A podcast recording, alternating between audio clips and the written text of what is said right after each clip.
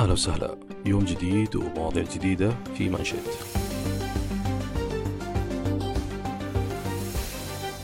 اليوم العالمي للتلفاز.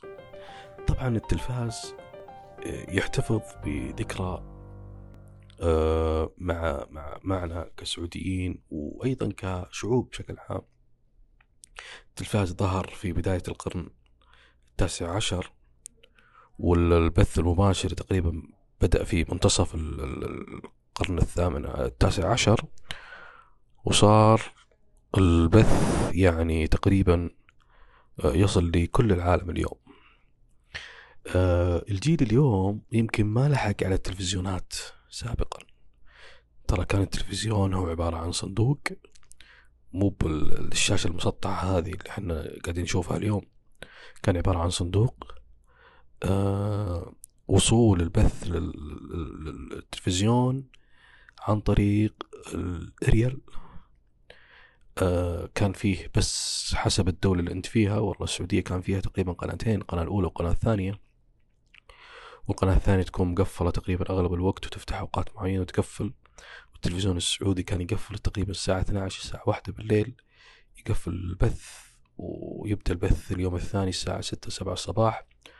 ومتعة إنك أنت تكون طفل في هالمرحلة وكنا ننتظر الصباح وكيف كان التلفزيون آه، يبدأ بالنشيد الوطني بعدين آيات من القرآن بعدين تدخل آه، يجي المذيع ويقول أهم البرامج اليوم بعدين تبدأ أفلام كرتون. اللي ما كان عندنا أي قناة أخرى نقدر نتفرج فيها أفلام كرتون نقدر ننتظر أفلام كرتون نتفرجها طبعا كانت بالإنجليزي ولا ندري إيش يقولون لكن كانت بالنسبة لنا متعة لا تضاهى. أه بعدها تبدأ البرامج التلفزيونية وكذا. بعد الظهر يعني بعد رجعة الطلاب من المدارس كان في مسلسل كرتوني غالبا يكون يا هايدي يا عدنان ولينا ولا جراندايزر ولا أي أي مسلسل المسلسلات الأسطورية اللي كانت يعني تبث على التلفزيونات العربية. فهالشيء تقريبا خلى التلفزيون له احتفاظ بالذاكرة. عندنا كسعوديين ويعني نتكلم عن كل العالم اليوم. طبعا يمكن برضو في ناس ما لحقت على التلفزيون الأبيض وأسود. وهذا كان موجود يعني إنه كان التلفزيون ما يبث إلا أبيض وأسود. آه كتلفزيون يعني. وبعدين لا تطورت العوائل وصارت تشتري تلفزيون ملون. لكن ذاك الوقت كنا نحافظ على جودة الصورة أما بشيء اسمه الأريال أو إذا سل يعني ما عاد في أريال أو خرب الأريال ما لنا إلا علاقة الملابس. هي الحاجة الوحيدة اللي نقدر اللي نقدر من خلالها نوضح الصورة بشكل كبير.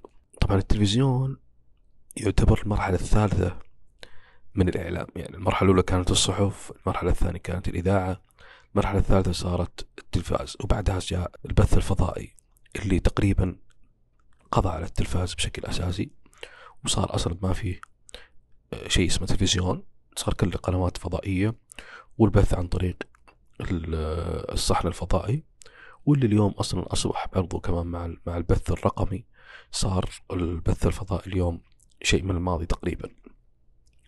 لكن التلفزيون لا زال اليوم يجمع الناس و يعني يقدم لهم المادة اللي هم يبونها. طبعا كان التلفزيون يزاحم السينما ويزاحم أشياء كثيرة لكن كل وسيلة آه، إعلامية لها دورها ولها آه، أسلوبها. آه، طبعا التلفزيون اليوم ممكن خف الناس اللي يشوفونه. بالنسبة لي أنا مثلا ما أشوف التلفزيون إلا وقت مباريات فقط تقريبا أو برامج محددة أو يعني وقت قليل من اليوم. أغلب اليوم أنت على جوالك تقريبا أو على الآيباد أو على اللابتوب وصارت الحياة أسهل من إنك بس تروح توقف قدام تلفزيون أو توفر التلفزيون ولا ما توفر. لكن يبقى التلفزيون حاجة عظيمة آه، يعني آه، لها ذكرى كبيرة جدا وتخصيص يوم عالمي لها صراحة حاجة جميلة وتحتفظ بذكرى لدى الأغلب من الناس اللي عندهم شغف ومحبة لأنهم يشوفون